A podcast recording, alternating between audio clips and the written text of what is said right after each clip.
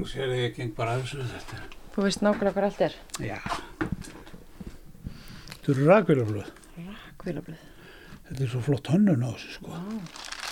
Sér Vá, myndir á þessu öllu saman. Já, þetta, eru þetta, þessi þetta eru bara, þetta, þetta er alveg eldgammal. Þetta er utan að rakvélablöður þessu. Þetta eru umbúðir, en það er nú í því þessu flestu. Svo eru íslensk sem voru gefin út enn gamla daga. Það eru hérna. Nú ég get sýnt þér meira hérna.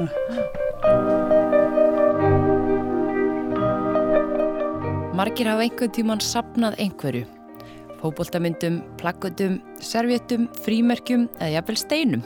Sumi ganga lengra, halda áfram að sapna og verða alveru sapnarar. Í þættinum í dag ætlum við að kynast nokkrum þeirra. Einn á tæplega 3000 smábíla, annar á 11.000 barmerki, eitt er á stærsta aðgöngum með að sapna á Íslandi, svo eitthvað sé nefnt, og einn sapnar salt og piparstökum. Öll eiga þau sameiginlegt að hafa brennandi áhuga á því að sapna, þó áhugin sé á mismunandi hlutum. Ég, þetta er náttúrulega bara eins og hver annar sjúkdómur, þetta er þessi söfnun áráta, en uh, ég veit ekki hvort að það er að sjá alla þessar hluti saman, sko. Mér finnst alltaf gaman að líta yfir, líta yfir og bara horfa á það og sjá fjölbreytileikan. Þetta er náttúrulega, sko við erum þessi safnarar, erum náttúrulega me að venda menningarverðmæti. Það er ekki til, ef enginn hyrðir, þá er aldrei, nei, þá er ekki til. Sapnara heimurinn í Íslandi er blómlegur. Með aukinni tækni hefur tækifærum til þess að nálgast hluti fjölgað. Á Facebook er að finna fjölmarkar íslenskar sapnarasíður sem eru missérhæfðar. Inn á einni þeirra má finna myndir af íslenskum engasöfnum og þar má sjá að fólk sapnar öllu milli heimins og jarðar. Allt frá litlum merkjum, pennum, fingurbjörgum yfir dýr málverk. Kanski er hreinlega hægt að sapna öllu.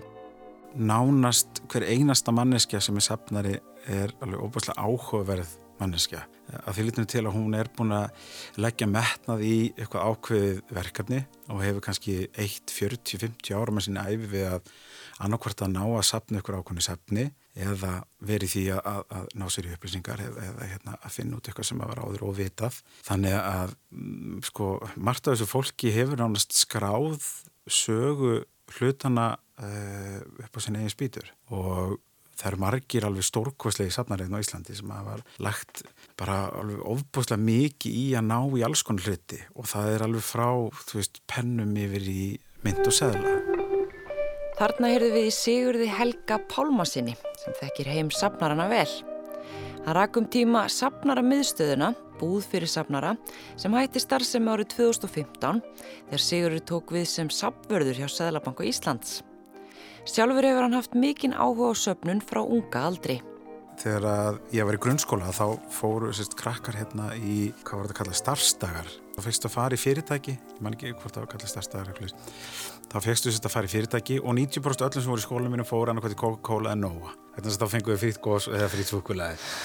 en ég sérst hringdi í þjóðmennisafn Íslands og ég segi sérst ég hérna heiti Sigur Helgi og mér langar til þess að það er starfsdagur og mér geti fengið að vera eða deginu með ykkur. Og þau voru svo hissa. Og ég var eini, eina batni sem þau noktið að hringdi í þjóðmennisafni og beði um að eigða þessum degi í þjóðmennisafninu og ég hérna ég kem þarna um morgunin og það er maður sem tekur á móti mér. Og það var sem tekið á móti mér þannig að ég fekk og bara likla og svo bara gjör það svo vel.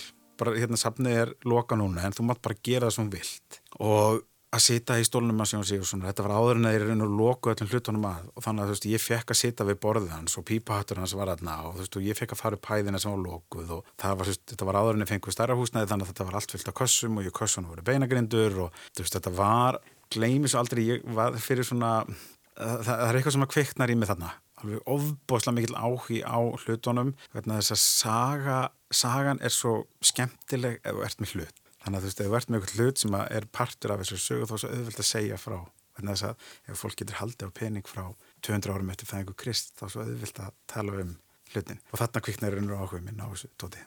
Hvað er það við þessa gömlu hluti sem er svona áhugavert? Forvetni að, að fá vita meir um hlutin og, og ef þú ert með einhvern ákveðin hlut þá eru svo margir sem að standa á baku, það eru svo margar sögur sem er á baku hvernig einasta hlut. Þú veist, hver smíðaðan, hver hannaðan, okkur var hannaður, þú veist, hérna, tilkvæmst var búin til, þú veist, úr hvað efni, hvernig var hann, þú veist, hérna, eh, hvað tekni var náttúrulega hann til eh, og síðan sagan og síðan kannski ertu með hluti sem var búin til en hver fjekk hlutin og hvert fór hann síðan og, og það kannski er svolítið svona, hefur alltaf verið þessi svona þráekja mín að fá að ná í upplýsingar um hlutin, þú veist, af hverju, hérna, byrju, hvað er þetta? Og ég get stundum orðið brjálega, sko, ég fæ alveg ofbúslega þráekjur ef ég næ ekki að fá ykkur að grunn upplýsingar um hlutina. Þannig að þú farið eitthvað hlut í hendunar, mm -hmm. þá viltu vita hvað hann kom? Já, og fá grunn, ekki, þú veist, ég fer ekkert alveg í hérna, eins og sumi sapnarar sem að fara alveg einst langt eins og ég geta. Ég vil svona kannski meira ná þessum svona basic upplýsingum. Ég er alveg óþálandi með að henda hlutum. Þess að ég tengi stöðum hlutum eða svona halv astnælega. Þegar ég var ungustráku þá greti þegar mamma seldi skótan. Skilur þú veist, ég var það bann, skilur, sem fór bara hágráta bara ekki seljan. Mm. En ég hef alltaf tengst hlutum, svona döðum hlutum á ákveðin hátt og, og, og þykir mjög vænt um gamla hluti og svo hefur það bara þróast. Ég byrjaði náttúrulega, ég, var, ég fór í myndsöfnarafélag þegar ég var 11 ára og ég held að næstingsti hafi verið sko 35 og ég mætti með skjálatisku og fór að fundi á myndsöfnarafélag Íslands þess að menn sátu og ræða mynd. Og ég satt að það milli og fannst þetta allt saman og spennandi og man, mamma sagði mjög til frá því sko, náttúrulega sko Ég drýmyndi að veifa 11 ára barnið með skjálatösku að fara og fyndi á myndsandurfélag Íslands. En hún segir sko að það er eitthvað sem að hérna, hann missi síðan áhuga en ég var í myndsandurfélaginu svolítið tíma en síðan verið ónlingur og, og fyrir að pæli allt um hlutum og, og síðan árið 2005 eða 2006 þá fæ ég aftur, þá hellist yfir mig aftur þessi, þessi svona veist, jákvæða þráhegja það er að ég fer alltaf inn að hafa áhuga aftur á þessu. Þetta er náttúrulega blunda alltaf í mér en ég fór svolítið svona fullt ég er inn að koma aftur inn heim og, og það er bara þessi óbústlegi áhugi á að sína fólki fegurð hlutana og, og aðeins frá sögunni. Ég, það hafa allir lúmst gaman að sögu það bara fyrir svolítið eftir í hvernig við talar um það og hvernig við svona berða fram Já, allir hafa áhuga á sögu, segir Sigurður. Þá allavega vel við næsta viðmælda minn sem býr í Kópavogi og heitir Örvar Möller. Hann safnar smábílum sem flesti myndi líta á sem leikfung og veit sögun á bakvið hvern einasta bíl sem hann á. Sko áhugin kannski byrjaði bara þegar ég var lítill að, að ég var í módelum og öðru slíku og, og var að setja þau saman og alltaf verið hrifin að líkunum. Átti þar að meðal nokkra bíla sko en e, það sem gerði svona, setti mig alvarlega á stað sko var að ég fór að sjá bílasafn 1980 út í Fraklandi sem að, sem að er kallað Slumps Collection. Þetta voru, þetta voru tvei bræður sem að voru áttu vefnaðavöru vesmiður í held ég held að heiti Alsak og eh, þeir höfðu fengið styrki til þess að standa undir sankeppni við, við Östurlund. Styrkinni fóru allir í að byggja upp bílasafni á þeim og svo þegar kreppan kom í vefnaðeiri inn að hennum þá var peningurinn ekkert í vesmiðinni, hann var allir í bílunum og Þetta voru einhverjir, eða safnið hýsti þá 600 bíla og þeir áttu einhvað eh, kannski svipað sem þeir áttu eftir að gera upp. Sem dæmi sko af þessum 600 bílum voru um 150 Bugatti og þeir höfluðust á landi þetta komst upp og safnið var opnað af franska ríkinu og ég kom þarna einhverjum 3-4 mánuðum eftir að það voru opnað. Smitaðist alveg fyrst af Bugatti og svo keftið þarna á safninu 2-3 en svo vart þetta bara upp á sig. Ég fór að taka svona það sem ég rakst á og, og hafði efna á. Hvað áttu marga?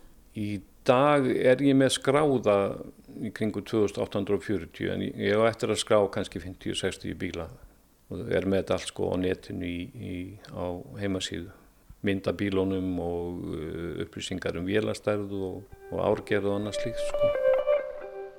Ég er, er að sapna bílum sem er 1.43 í stærð sem eru nógu stóri til þess að geta verið með svona smáatriðin á hreinu en ekki það stóri að það færi mikið fyrir þeim. Það er margir sem sapna 1.18 en það er alveg skókassa stærð sko þannig að maður kem ekki fyrir einhverjum þúsundum bíla í, í einu húsi. Þetta eru bara svona, eh, eiginlega bara svo litlu bílarnir sem að krakkar leika sér út með. Þetta er, já, fólk myndi almennt bara kalla þetta matbóks þó þetta sé, þetta er reyndar aðeins stærra heldur en matbóks. Matbóks reyndar framleiði nokkra bíla í 1.43 en, en almennt er þeir aðeins minni og þetta er svona, þetta er sapnararstærð, aðeins dýra heldur en matbóks og meira í þá lagt. Minni, leikvung, þetta eru matbóksbílanir. Þú leikuður ekki með þetta? Ég leik mér ekki með þetta og uh, sem dæmi ég á tvíbrastráka og þeir vissu að þessu, þetta var bara pappabílar og ef ég tók til dæmis bílar sem voru til tveir af, sett í dótakassan, að þá var þeim skila sko. Þetta, þetta voru pappabílar. Það er ekki þóra að leika sem það? Nei, þeir bara höfðu ekki áháði. Þeir vildu frekar hafa þetta upp í skáp og geta bara staðið við skápinu og skoða. Ah. Og við stöndum með mitt fyrir rámanar skáp sem að er, ég ansi glæsilegur og hann er lístur upp og allt og hér eru svona, hvað er þetta, topp úrvalið höður?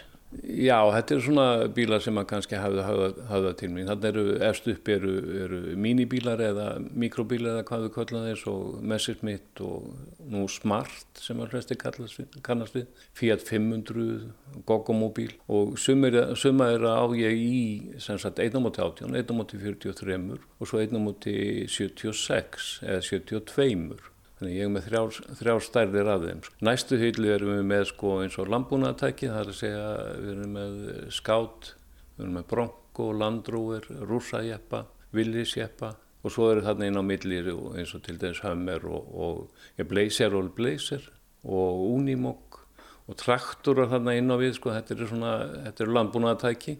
Svo koma þarna glæsikerru, bæði gamlar og, og, og Ford T og og svona stærri bíla má segja eins og bílinn sem var í Ghostbusters er þarna einn Cadillac station.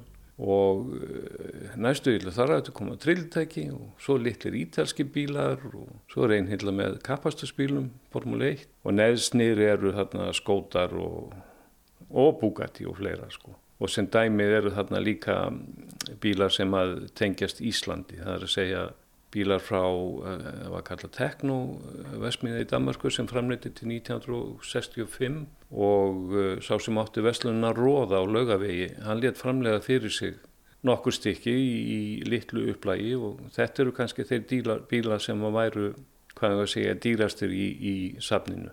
Þetta er ekki, þetta er ekki ekta, það er að segja þetta eru teknobílar mm. en ég spröytaði það eða hreinsaði það fyrst og spröytaði það og settaði það á rétta, rétta trykkimyndir kaupir bara hvaða bíl sem hún sérðu er eitthvað svona sérstakta baki?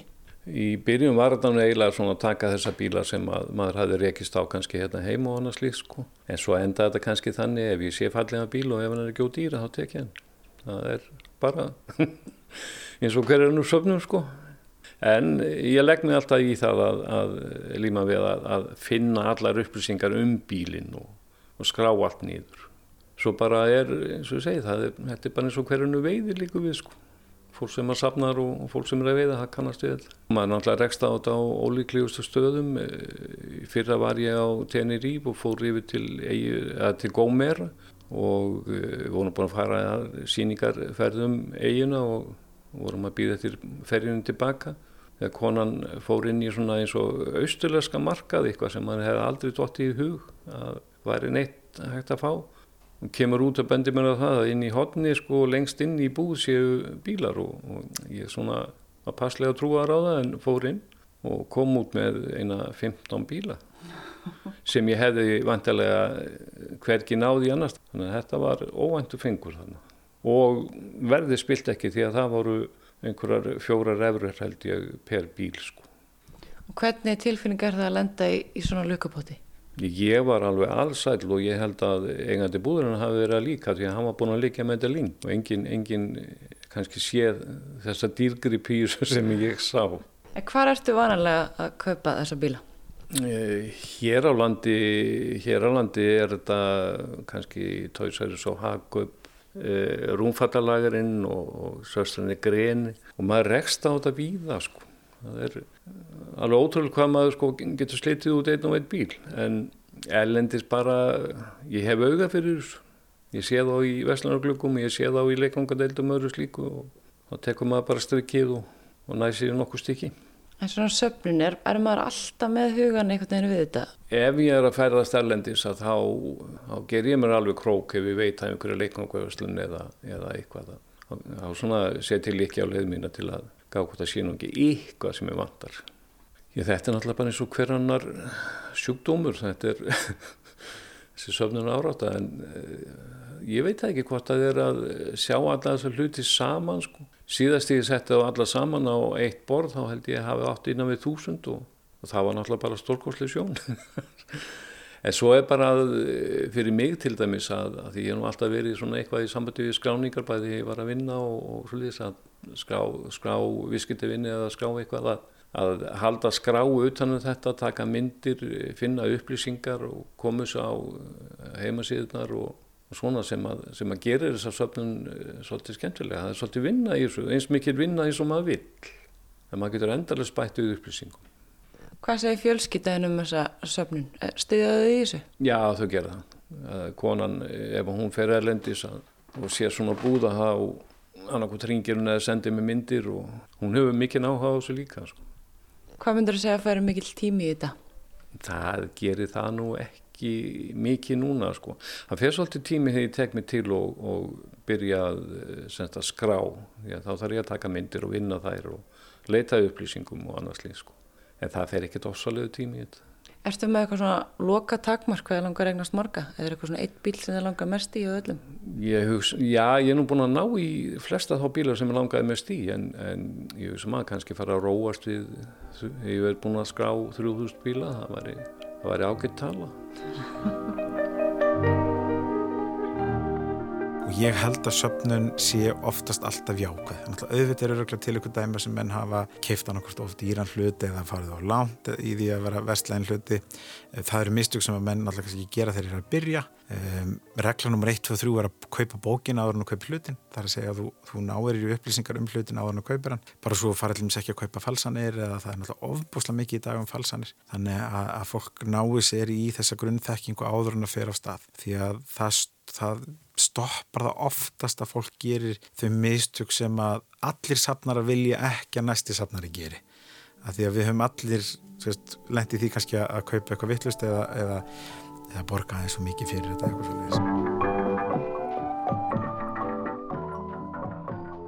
Næst leikur leiðminn upp í Hafnarfjörð í yðnaðarhúsnaði þar sem bæðið er búið og unnið.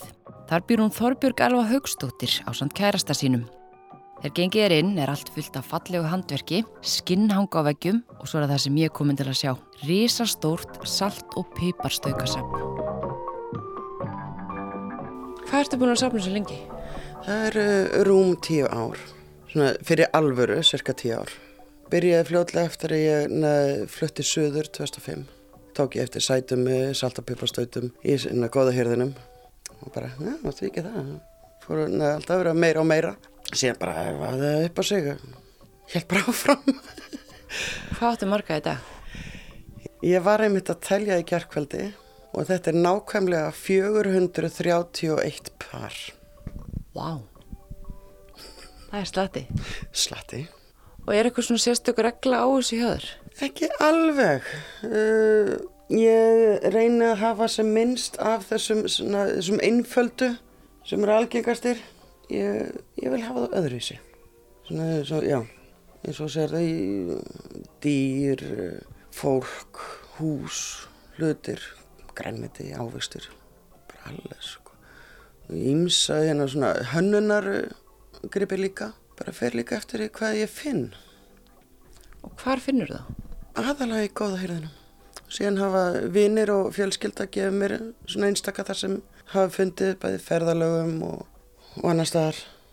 Og þetta er ótrúld að horfa á þetta, þetta er hérna upp um alla veggi, mm -hmm. þetta er frá, nánast frá gólfi og alveg upp í loft. Já. Er það hluti af þess að stilla þessu upp svona, hafa þetta líka til sínis? Já, það var ekki fyrir í þessu húsnaði sem ég gæti sett allt upp. Það hefur svona meira minna verið að hluta til í kassum, hef ekki haft pláss til að setja þetta upp. Síðan flutti hingað, þá tók ég eftir að þessu veggur, meiri hlutin af þessum vegg, það var ekki búið að klára klæðan og ég sá strax fyrir mér, Hitler, og millir mill, stóðana sko. Það, það meiri hlutin er, er þar. Hvað er það við að sapna þessu sem er svona skemmtilegt? Fjölbreytileikin svo skemmtilega fjölbreytt. Skemmtilega sko hvað hva útlitt sem na, fólki dættur í hug. Bara já, finnst þetta bara flott. Þetta er líka öllum gerðum. Þetta eru sko dýr og snjókallar áveistir pör tek, hönnun merki og já, ímislegt til dæmis þessi hilla þetta er svona uppáldið mitt Hérna eru svona færri, þetta eru, hérna sjáum við meðal hans ristabrauð, mm -hmm. hambúrgara. Já, hérna er til dæmis brauðið eða saltið og brauðuristinni piparinn. Svo er þetta með brjóstanna síðan sem er. Já, já, saltapipabrjóstinn og, og líka minn með brjóstinn. Já. Og svo hauskúpunarina og hérna Rubik's Cube. Svo ertu sko með Star Trek. Ó, já. Þú ert mikil Star Trek aðdándi líka. Já. Þannig þessi litur eru doldið miklu uppáldi. þá nokkru. En það eru tveir hérna sem eru mestu tilfinningarlega uppáhaldi. Það eru tekk fiskanir hérna. Þeir eru með ákveðna sögu. Mamma og pappi fengu þá í brúkupskjöf 1960. Já, það hefur alltaf átt það. Nei, mamma gaf mér þá þegar þau áttu 50 ára brúkupsafli. Fekk á jólagjöf. Það gifti svo aðfengadag. Og þetta er líka frá þeim. Fengu þetta að á svipuðum tíma. Gömur hjón. Sjómannsjónin. Já, sjómannsjón. Já, það er mjög gammalt. Svo hef ég gaman að þessum hérna Silvestur og Tví-Tví. Já. Tvo svo leiðis er mjög spes. Og er eitthvað fræði á baku salt og piparstöka? Nei, ekkert sérstaklega. En ekki, ekki í mínum huga. Það er bara, mér finnst bara gaman að sapna þessu. Flott. Gaman að finna svona öðruvísi. Svo er ég vitanlega hérna vikingahjónin. Já, en það ertu vikingur. Þú er sett af vikingum. Já, þannig er hitt setið. Þú ert vikingur sjálf. Já, ég er í vikingafélaginu Remmigjur í Hafnafélaginu. Búin að vera það núna í fimm ár, verða sex. Og Þannig að vik vikingarnir komast á upp á alveg silluna. Já, já, já, já, já, svo sannarlega. Hérna trépar, það kefti ég á safni í Danmörku einmitt síðasta sömur. En notar þetta eitthvað? Nei. Þetta er bara til sínis. Þetta er bara skröyt. Uh, ég er með na, plain uh, salt og pipar steita inn í eldhúsi sem nota dagstæla. Þess er ekki til notkunnar, sko. Ertu með eitthvað svona loka takmark í söfninu? Viltu, hvað viltu ná mörgum? Nei, það er ekkert takmarkið því. Ég na, álíka hérna í, í þreim kössum uh, eldgamalt dót, barnadót. Sem að safna líka. Sem uh, ég og kærastu minn höfum safnað sem við byrjuðum saman uh, hann, þegar við kynntumst þá var hann í forbílunum og ég er eiginlega þá þá fekk ég bakterínu líka ég og eitt forbíl líka að uh, fórum að safna svona gömlu dóti barnadóti, dúkum ímsu svona þess að setja raða í bílana eða, eða bara hengja upp heima. Að þó nokkuð svona sem leynist þar. Hefur alltaf verið að safna? eftir skilnað, já ég skildi 2004 Og var það eitthvað það svona hluti af skilnaðaferlinu að safna? Svona eiginlega. Býttina, pælaðin síði þá í hjónabandinu þá var, þá var ég eiginlega byrjuð að uh, sapna hérna uh, kveikjurum. Já, það sapnaði þá í kassa. Áttu marga? Hef ekki talið á Ef ég á að skjóta einhvað geti það verið kringum hundrað.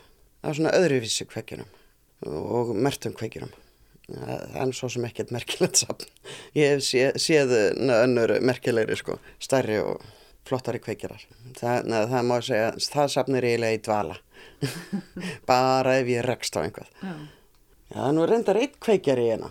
Það er hérna hjá, hjá bresku postkassunum það er hérna bresku sími. Já, vá.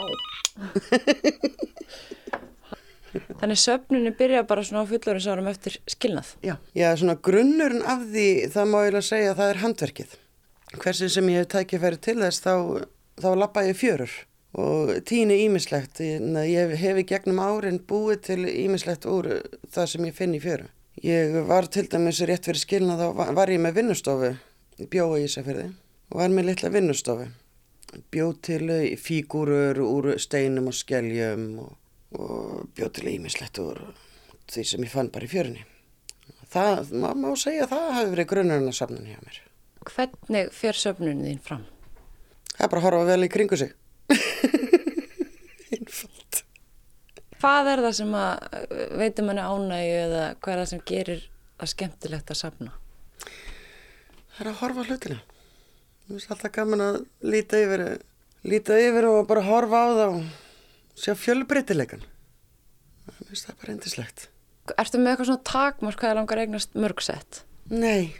Heldur þú er aldrei eftir að fá nóg og koma of mörg? Jú, það gæti verið vandamál, það er plássið. það gæti verið vandamál. En ég klýf það þegar að því kemur. Þú getur sapna nánast öllu og það er engin svona almenn regla um, og ég segja fólk sapnaði bara því sem þið finnst vera gaman. Upprunnilega þá byrja söfnin bara á því að menn er að sapna steinum eða fallum perlum eða og myndsöfnin byrja svolítið á því að þetta eru, þetta, þetta eru skápa sem eru kallar að ennsku curioso skápar það er bara svona forvitnilegi hlutir þess að menn settu honni í skuffu og gemdu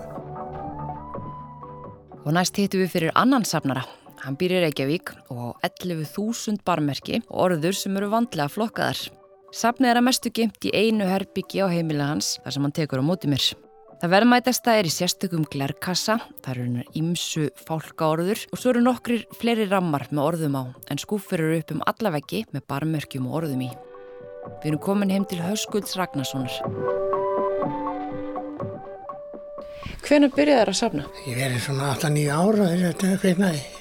Það vandi því að mamma gaf mér bröðpenning. Hún var eftir frá, fættu upp alveg frá bíl, ég ætti á bílduða. Bröðpenning frá Pétur Þorstinsinni. Já, hann er ennþá. Tók hann með mér þegar ég fór í barnaskóla. Það var svona heimavist barnaskóla, gemd hann alltaf. Svo gaf hann mér líka gullpenning en hann glataðist því miður einhvern veginn. Held að, held að það veri ennskur penningur. Það held að þetta var nú að byrja svona og svo 17. júni merkjum meðan hátíðar voru hrassir þá var Amar Hálssonar merki. Og þegar ég kom hérna á söður, held ég, 87, þá átti ég bara eitthvað 400-500 merki. Hitti svo mann sem fekk mig til að ganga í minnsalmarafélagið og þar með var fjandin laus, eins og segir. Og hvað átti mörg merki í dag? Ég held að þetta sé eitthvað, eitthvað með svona melli og túsund sem ég verði að telja saman. Með orðum og, og taumerkin reynda líka ég með einhverja mappa fullar af svona merki sem voru og galana. Áttur ef ég ekki talið pappismerki. Svo var náttúrulega frímerki þá ég er ykkur, þau ekki með merkjum. Þú safnar sérst bæði barmerkjum og frímerkjum. Já, minnispenningum. Minnispenningum. Já, já, svona, já, orðið hans í stóran hluta af íslensku djafna minnispenningum. Það vantar alltaf eitthvað. Og hvernig fyrir þessi söfnum fram hjá þér? Svo nú er það náttúrulega bara að fylgjast með og ég hef náttúrulega vinni sem að, eitt sem að skannar alltaf neti fyrir mig og segir mér eitthvað kjömbur. Og svo var það byggðist þetta náttúrulega bara fyrst á því að maður hópar í símarsrónu og skrifaði í öll nefn á félugum og samtökum og svo bara ringt og ringt og ringt. Var ég samt að þið sátu hvort það ætti svona merki? Já, og hvort ég myndi féláta og þetta gekk nokkuð vel sko. Þannig að þú ringdir í félag og fyrirtæki og, og fóst svo staðin bara að þú fegst. Já, það sendu það í posti. Þetta gekk yfirleitt mjög, mjög vel nema svimi náttúrulega kannski lofuðu og sendu svo aldrei aðri stóðu sér vel og þá var hindi maður aftur eftir nokkur ár, eða tvö ár kannski. Það hefur oft gefið góða raun. Það ringi eftir tvö ár aftur þá getur verið breytt við þar. Sérstaklega ég er með að ræða svona heiðusmerki eitthvað svona sem er þá gulli kannski. En það eru svona ekkert að auðsa því í eitthvað safnara. Og er þetta verðmætt? Ég veit það ekki. Já, þessi kassi þannig er nú ábyggilega að fá eitthvað verðmætt út úr honum. Þetta er kassi sem ég kipti, ég er enda búin að bæta í hann og nýjónum var alveg sett frá því að Ísland var konúsríki. Konúskeðja og, og stjórnundar, stjórnundar er nú reyndar held ég alveg eins í dag. Hvers konar kassi er þetta? Það er ekki fólk á orðan. Þetta er bara fólkaorðan í alls konar útgáðum. Já, þetta er öll stíðin. Sko. Hérna eru, eru krossarnir, þetta er Þetta eru rittarakrossarnir svona þessi lillu hérna. Bæði í, í falska orðinu, nei ég segi já á konungstímanum, ég fór þetta tímanum. Svo er þetta einhvern nýstór rittarakrossin, þetta er lífveldið og hérna er konungstímin. Og svo er þetta konungskeðjan sem var Kristján X. átti einn mann að bera held ég. Já. Það er alltaf æsti maður falska orðanar er þess fórsett í Íslands í dag og áður að vera konungurinn. Þessi konurkeðja litur að vera ansi verðmætt það. Það er ekki gott að segja, en alltaf einhverju spettingar hafa ekki sko getur verið þrjá fjóra til. Hvar fegstu þetta til dæmis? Þessi kom uppalega frá bandaríkjanum veldi af uppbóði. Svo var það bara gammalt maður sem að kifta hann af. Það var Magni Jónsson kaupmaður sem var lengi á lögavinu. Flutt hann inn og þeir sem ætluði að kaupa hann hættu við og þessi gamli maður hann sá hann og spurði hvað kostiði. Man ekki hvað það var þá, 600.000 eitthvað. Ég veit hann bara eftir Magna og svo fór hann með það og rétt fyrir lókum kom hann aftur 600.000 kallin og fór með kassan. Það var meira í honum. Ertu búin að selja eitthvað úr hann? Já, ég er sko átti að fyrir orði eitthvað að krossum og þá get ég selgt það. En hvað er það við þetta sem er svona spennandi? Það sem er spennandi finnst mér mest að, að það er ekkit vitað um þetta. Ekki þegar þú kemur í barmertin sko. Það er vitað um orður og svona. En þegar kemur í þessar flóru hérna þá er eitthvað heimildi til og ekkert vita hvað hefur komið út til og er búið til að merkja. Það er það sem gerir það svolítið spennandi. Sko. Frímerkin er, þetta er allt til, við trúum bara veistu, það er að kaupa til allt og bara pening. En það er vinnan við að finna þetta. stundu finnur eitthvað sem er bara kolfókett, þetta er til alveg, alveg framar, þetta er fyrir aldamótin 18 og 1900. Þá voru menn fannir að sláði svona eitthvað. En þú ert að leita eftir svona sjálfgjafu mörgum Jú, líka. svo maður að fylgjast líka með ef eitthvað kemur nýtt. Hérna ertu með lauruglumerki. Þetta er bara frá lorglunni þessum kom. Þetta er svona, það getur verið, það er ykkur í stildi kannski til sem að, en það er ekki mikið, sem ég á ekki. Vá, hvað ertu með tvær skúfur fullar af hardrock bara? Þetta séu þrjáur eða meiri. Allt íslenskt. Já, Þú vilt bara íslensk. ég helst. Þetta er alveg, kallaðu vegseríuna, það hengu gítarn, þetta er hann kendir við þetta listamenn og þetta er til í bronsi og svo er hann þarna út í endan, þar er hann í lit og svo er hann í silri líka. Og þetta hjekk upp á veggarna í, Og fjastu þetta gefins? Kaupir þetta? nei, ég held meiti að hardrockmerkjana þurfti ég að kaupa á netinu. Á net... Já, flytja inn. Jaha. Kaupir þú mikið á netinu? Ég gerði það, er nú orðið lítið núna. Þetta, þetta er eiginlega það eina sem er svona alþjóðlegt, þetta eru silfumerki, starfsaldarsmerki. Ég er komin upp í 17 ár núna. Ég var að reyna að semja veit núna nýlega. Þetta eru merki sem er sett á 20.000. Semja einn úti þá? Já, á netinu.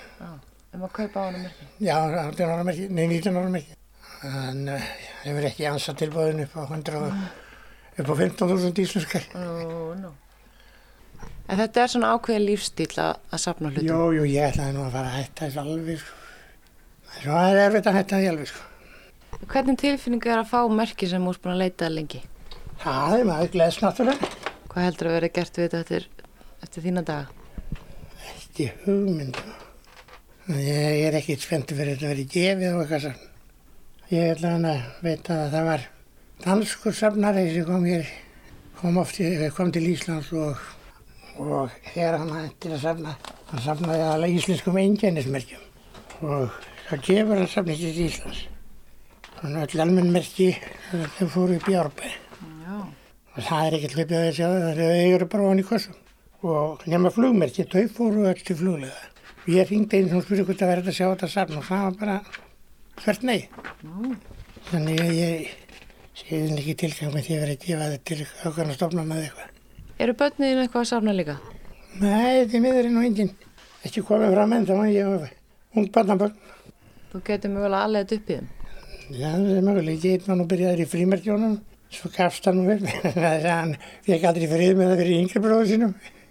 En það maður veit aldrei hvað séður. Þetta er þólumæðis vinna að vera sapnari. Já, jú, það væri náttúrulega. Það væri nú lítið mál að taka við svona safni sko og halda því áram.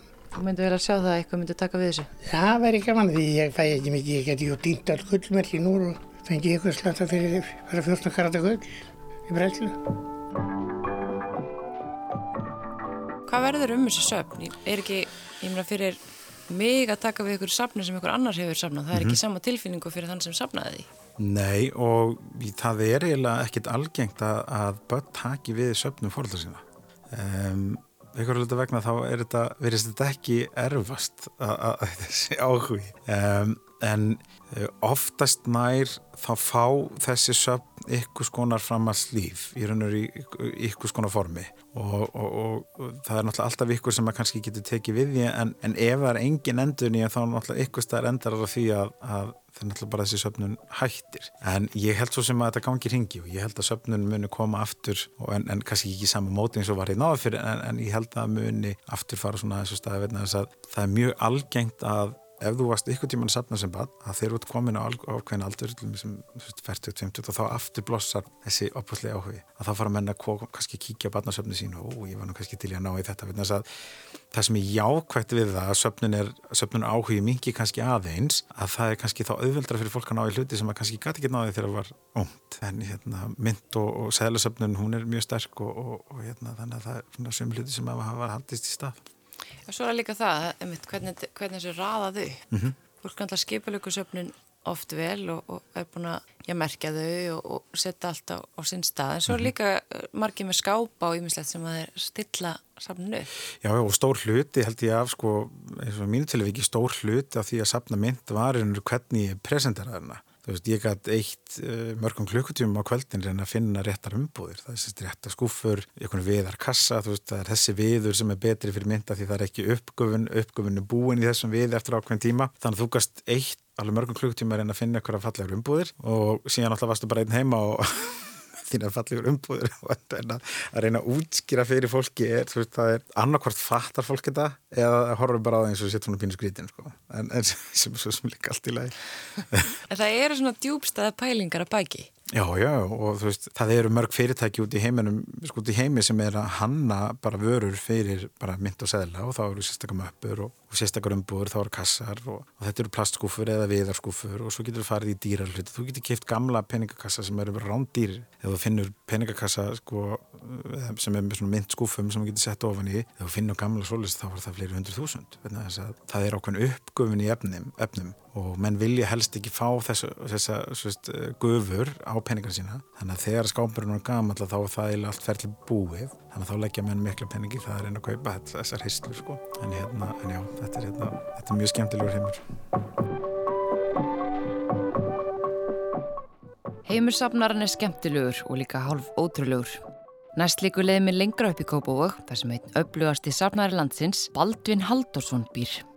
Baldvin sapnar öllu mögulegu þó hann leggir meira áherslu á sumt umfram annað og á meðal annars stærsta sapn aðgöngu með á Íslandi. Hér er dót út um allt, merkilegi hlutir, glerskapar á vegnu með ýmsum merkumunum sem allir segja sína sögu. Hérinn er að finna mikil menningaverðmæti. Ég hef í rauninni alltaf sapnað, bara frá því mann eftir mér og allt mitt fólk. Það var aldrei hent neinu. Ég hef með fullt að dóti hérna frá langafa og langömmu og allt það sko. Það var aldrei hent neinu og maður fór að hyrða þetta og, hengið upp í herbygginu og svona og svona. Svo bara þróast þetta. Þetta er nokkur skonar fíkn og ég er ennþá að, alltaf að eignast eitthvað, kaupa. En svo fór ég út í dýrari hluti eins og mynd og seðla og gull og hitt og þetta sem kostar peninga. Það er að vísa ekki gemt hérna, það er í banka. En þú séur að aldrei hent neinu. E... Nei, engu, ekki einu sinni aðgöngu með það. Ég er með gamla miða hérna, sko, ég sé ég stærsta aðgöngu með að safna á Íslandi.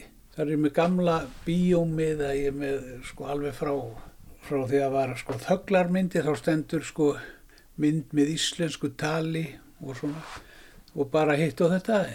Og er þetta allt aðgöngum með þar frá þér eða er þetta eitthvað sem þú færið hér og þar? Nei, nei, nei, ég var ekki til fyrir hundra árum sko.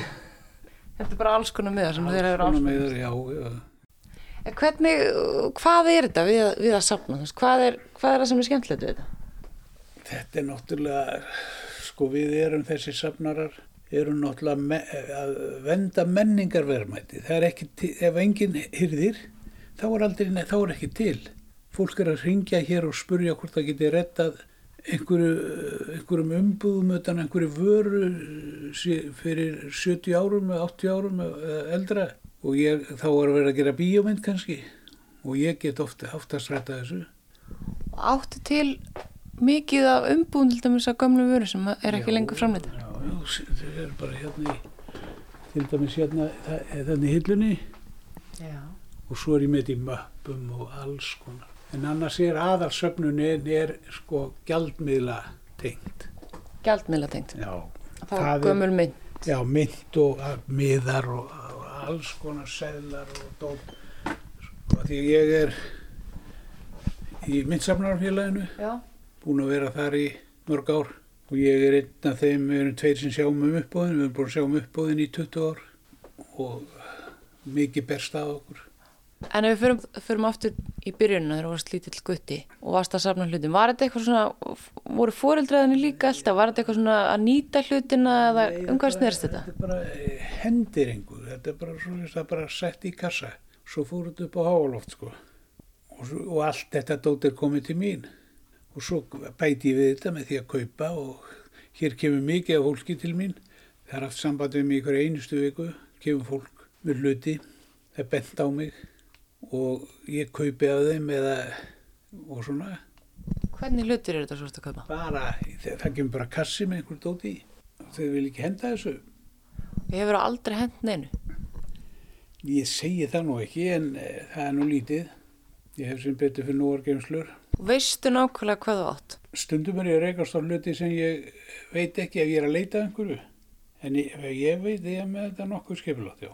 Ef það kemur maður hérna og byðum um að retta sér um einhvern limmiða fyrir, ég veit ekki hvað, sko. Af því þá er hann að gera bók og það þarf að koma kannski mynd í bókinni. Þá gengi ég að því, sko. Það er allt í möppum og allt klart, sko. Og þetta er allt flokkað. Já, mikið til. Þannig að þú heldur utan um bara svona menningaverðmætt í raun og Já, það er það sem við gerum safnararnir, við heldum auðvitað menningaverðmæti. Hugsaður að þetta væri ekki til, þá er ekki þetta að skoða þetta og nálgast þetta. Hvernig er þessi símtölu svo að fá frá fólki? Það er að spurja um verð, það er náttúrulega allir að reyna að fá einhvern pening, sko. Stundum er þetta einskýrsviði og, og stundum kostar þetta eitthvað. Þetta er bara markaðsverð, hvað er mikil eftirspurn. Það eru hýmsir að safna, ef þú ferð hérna á neti þá sér það mark, það er alls konar hluti til sölu. En hjá þér, snýst þetta um peninga? Ah, nei, Snýst þetta um peninga um nei. Það snýst bara um ánægjuna. Bara ánægjuna að umgangast þetta og, og, og, og sérstaklega eftir maður að hætta að vinna. Þá er maður í þessu alla daga eins og sér, ég sit hér alla daga og erum við í sambandi við fólk, sko. Hér úr og grúur alltaf dóti, út um alla veggi, hér er alls konar skápar fullir af kveikjurum og merkjum. Þetta er allt kveikjarar hérna. Þetta eru kveikjarar hérna með, þetta eru, þetta eru mertir, sko, og íslenskt, sko. Það er Loftliðir, flugflið íslensk, kják, frá hernum og keflaug hlutli, svona, sko. 17. júni 1944, hann er eitthvað merki. Er þetta kveikjar líka? Hvar? Þessi hér. Nei, þetta er að, var setja á fánastöng hérna í einhvern tíman í. Já, þannig á þessu á 44, það er nú árið sem ég fæðist. Ég sapna öllu sem að tengist í líðveldinu. Það er loftleðir, sko. Hvar færðu allt þetta dót? Já, þetta er búið að taka mörg ár. Það er gaukað að mér og ég er að leita og gaupið á eBay og, og alls konar. Þetta er allt meira og meina íslenskt hérna. Já, þetta er bara, þetta, er- þetta er yfirleitt bara íslensk. Nefna hérna, sko, hérna eru, hérna eru svona dósir frá apotekunum í Kanada. Já, svona Já, mentóldósir. þetta eru grammósnála dósir, Já, frá síkartubakkar gamlir, já, saman þeim líka. myndavélar. Ég sapnaði bara eins og harður að sapna myndavélum. Ég á nokkra kassa fulla myndavélum. En svo fór ég mikið út til Ameríku og fór í antíkvæslanir og þá sá ég þessa myndavélar alveg í tonnum sko. Og það kostuði bara dollarstykki þá hætti ég að sapna þessu. En ég var að kaupa þetta hérna í kólaportinu og hinga og þangað á 5.000 kall stykkið. Svo sem ég hætti þessu. Mistur það áhuga á þeim? Nei, ég hef áhuga en ég bara er ekki að kaupa eitthvað á okkur prísum og fara á 1 dólar út í Ameríku.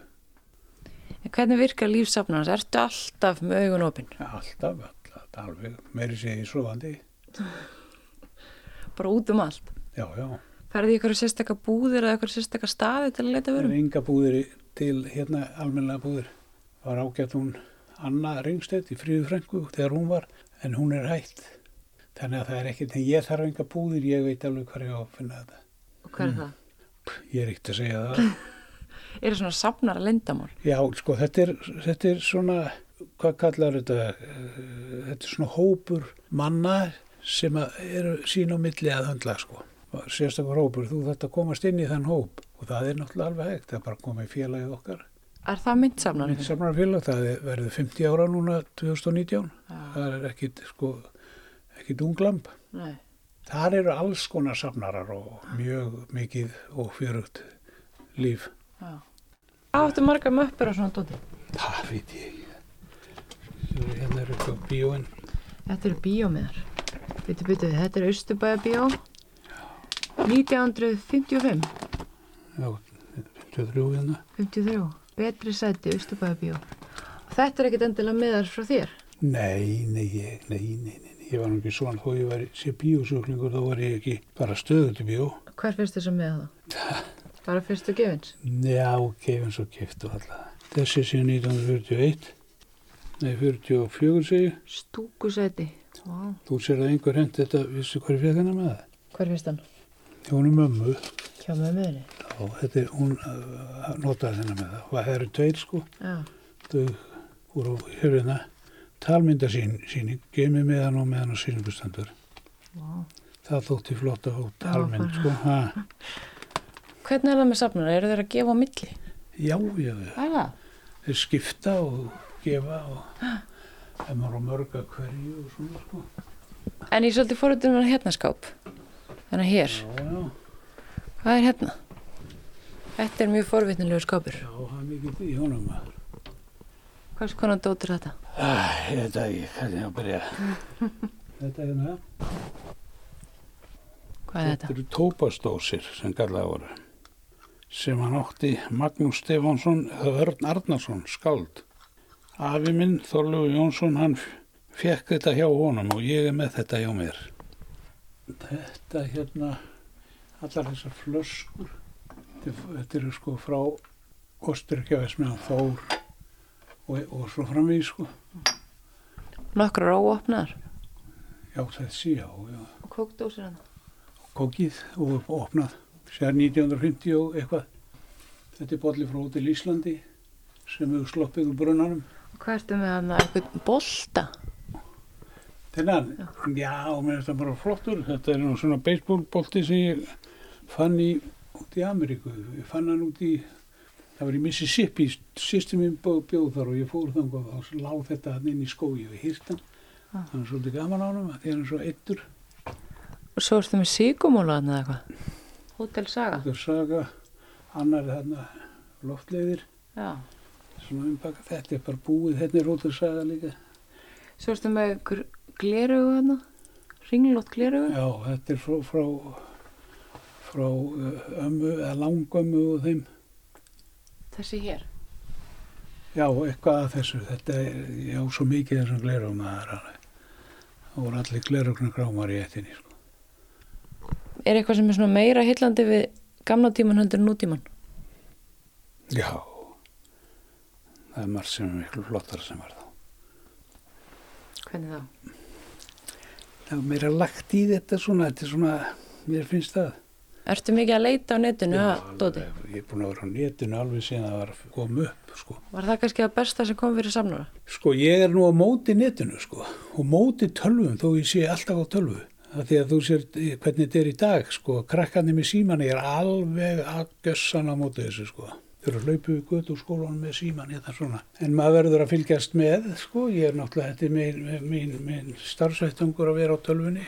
Og ég byrjaði á eBay þegar það byrjaði, ég byrjaði nú að selja hana líka, svo hætti ég það svo mikið vesinn og, og fyrir spurnir og svona margir tími í það. En ég fyrir á hverjum einasta móti að byrja ég á tölvunni, fyrir gegnum þetta, finn stundum. Ég finn alls konar með, með merki og mynd og, og þetta, já, já. Hvernig miðum við þetta? Já, þetta eru svona alls konar sparimerki og orlósmerki, þetta er allt svona. Bæði íslenskt og, Nei, Er þetta já, allt bara- íslenskt? Nei, nei, bara íslenskt. og veitu, er, er, er þess að inn á eBay, er þá kannski einhverjir útlendingar að selja Já, já, íslensk marki? já, já, ég hef oft fengið, ég, ég, ég sagði ráðan, ég fór oft til Ameríku, sýsti mín bjóð þar og ég var, fór hann á hverju ári og var bara í antikbúðunum, sko, kerði þarna um og var bara í antikbúðunum og það var alltaf fullt af íslensku sem ég fann þetta. En þú voru að leggja þetta vinnu og það var áhuga, sko. En hvernig, nú sagður að þú hefði, mammaðin hefði safnað Nei, þetta söpnuð ekki, þau bara hendu engu. og hendur engu og þú hendur nei. en börniðin. Já, þau henda engu heldur. Þau vita hver ég er og, og hvað ég er að gera og þau bara láta mig hafa hlutina. Þegar hann Haldur hérna uppi, Dóri, hann er, hann safnar sko, ekki með þetta svona möppum eins og ég, en hann er, hann er svona með þetta gen sko. Safnar að genið. Já. Hvað er þetta við það að safna? Ah, Hvað er þetta við það að safna? Hvað er það sem er svona heillandi við þetta? ég sagði þér þá, þetta er fík. Þetta er svo reykja eða, eða sprauta sig eða eitthvað. Þetta er bara sama. Þetta er bara fík, spila fík, svona fík. Þetta er bara, gefur af sér, maður er að gera gagn með þessari fík. Þetta er ekki neikvæð því. Nei, langt frá því. Hvað segir konaðin um allar þessa söfnun? Já, hún er bara eiginlega samdöina líka, sko. Hún hefur mikið áhuga á þessu. Þetta er ekki hægt öðruvísi. Ég veit um menn sem eru, með, eru giftir konur sem hefur ímugust á þessu og þau eru í felum með þetta. Já, það er alveg vonlega, sko. Þú sér það að ég var með spesja lokal yfir þetta. Við byggðum þetta hús og ég gerði þetta með því að vera með hérna, beinana ingang hér þarf ekki að vera inn í íbúðinu og sér klósett hérna, og fyrir þá sem er að koma hérna til mín. Ja, það er stöðu strömmur. Stuðuströmmur, bara þá að skoða og Já og svona láta mig hafa og svona. Ég fekk bara meil í morgun einhver kona út á landi sem er með einhverja danska penning og hún er að spyrja mig hvað það kostar. Það er svarinn á eftir þegar þú útvarinn ég, ég var hérna bælið, ég er búin að skrifa þetta nöður heldur þau reyktum hún eftir að hætta að safna? Nei, nei, nei, það vona ég ekki ég, þegar ég döður sko þá get ég það ekki lengur Nei, nei Þekking safnara nýtist oft vel meðal annars þegar það er að ganga frá dánarbúum og meta hvort þar sé eitthvað verðmætt að finna. Sigurður eru oft fengin í þess konar verkefni. Það sem er svolítið erfitt er það að fólk hefur mjög oft ekki hugmyndum hvaða með í höndunum og þekking mín á þessum hlutum er veist, 100% á móti 0 þannig að þegar að svona aðil eins og ég og það er náttúrulega margir sem hafa gert þetta og, og þegar þeir koma inn þá held ég að sé svo þakklátt að eitthvað skulle koma inn og segja hérna, þetta er hérna merkilegt. Og fólk er bara að byrja af hverju og þá getur það sagt, jú, að því þetta hérna er fánastöng frá 1944 en fólk er bara búin að vera með þetta í hotninu kannski veist, búin að vera heimið um að afa í 50 ár og fólk er bara hægt að sjá þetta. Og ég segi líka alltaf að fólk sko, fyrsta sem að fólk gerir það, veist, það fyrir að fleia hlutum en það er oftast heil hlutir sem að fólk er að fleia sem að hérna, getur leið, geta leiðið ykkur verðamæti og svo bara gott fyrir fólk að fræðast. Veist, hvað átti að maður, hvað var? Og oftast er ég ekkert að meta þetta til fjárs ég er bara að segja svona bara sögur ég bara segja veist, hvað þessi hlutur hérna akkur var búin til. En hvernig heldur þetta eftir að þróast í framtíðinni með söfnun? Ekki hugmynd. Heldur þetta eftir að verða, vera margir söfnur í Íslandi? Um, ég hef þá trú að, að, að söfnun muni alltaf vera sko, fólk hefur alltaf ykkur skona þrá að safna. Veist, og það getur verið alls konar hérna, kom, alls konar hérna söfnun. En, en ég minn náttúrulega óskar svo að fólk myndi þetta myndi eflast þetta myndi fara aftur að stað en, en, en svo bara tíminn það er ekki hægt að spá þessu. Það er, það er ekki hægt að spá hva, hva, hvernig það verður framtíðin það sem var sagt fyrir 20 árum síðan það var engi sem hafði rétt fyrir sér varandi það. Að, en ég vona svo sannlega að þetta verði muni eflast í muna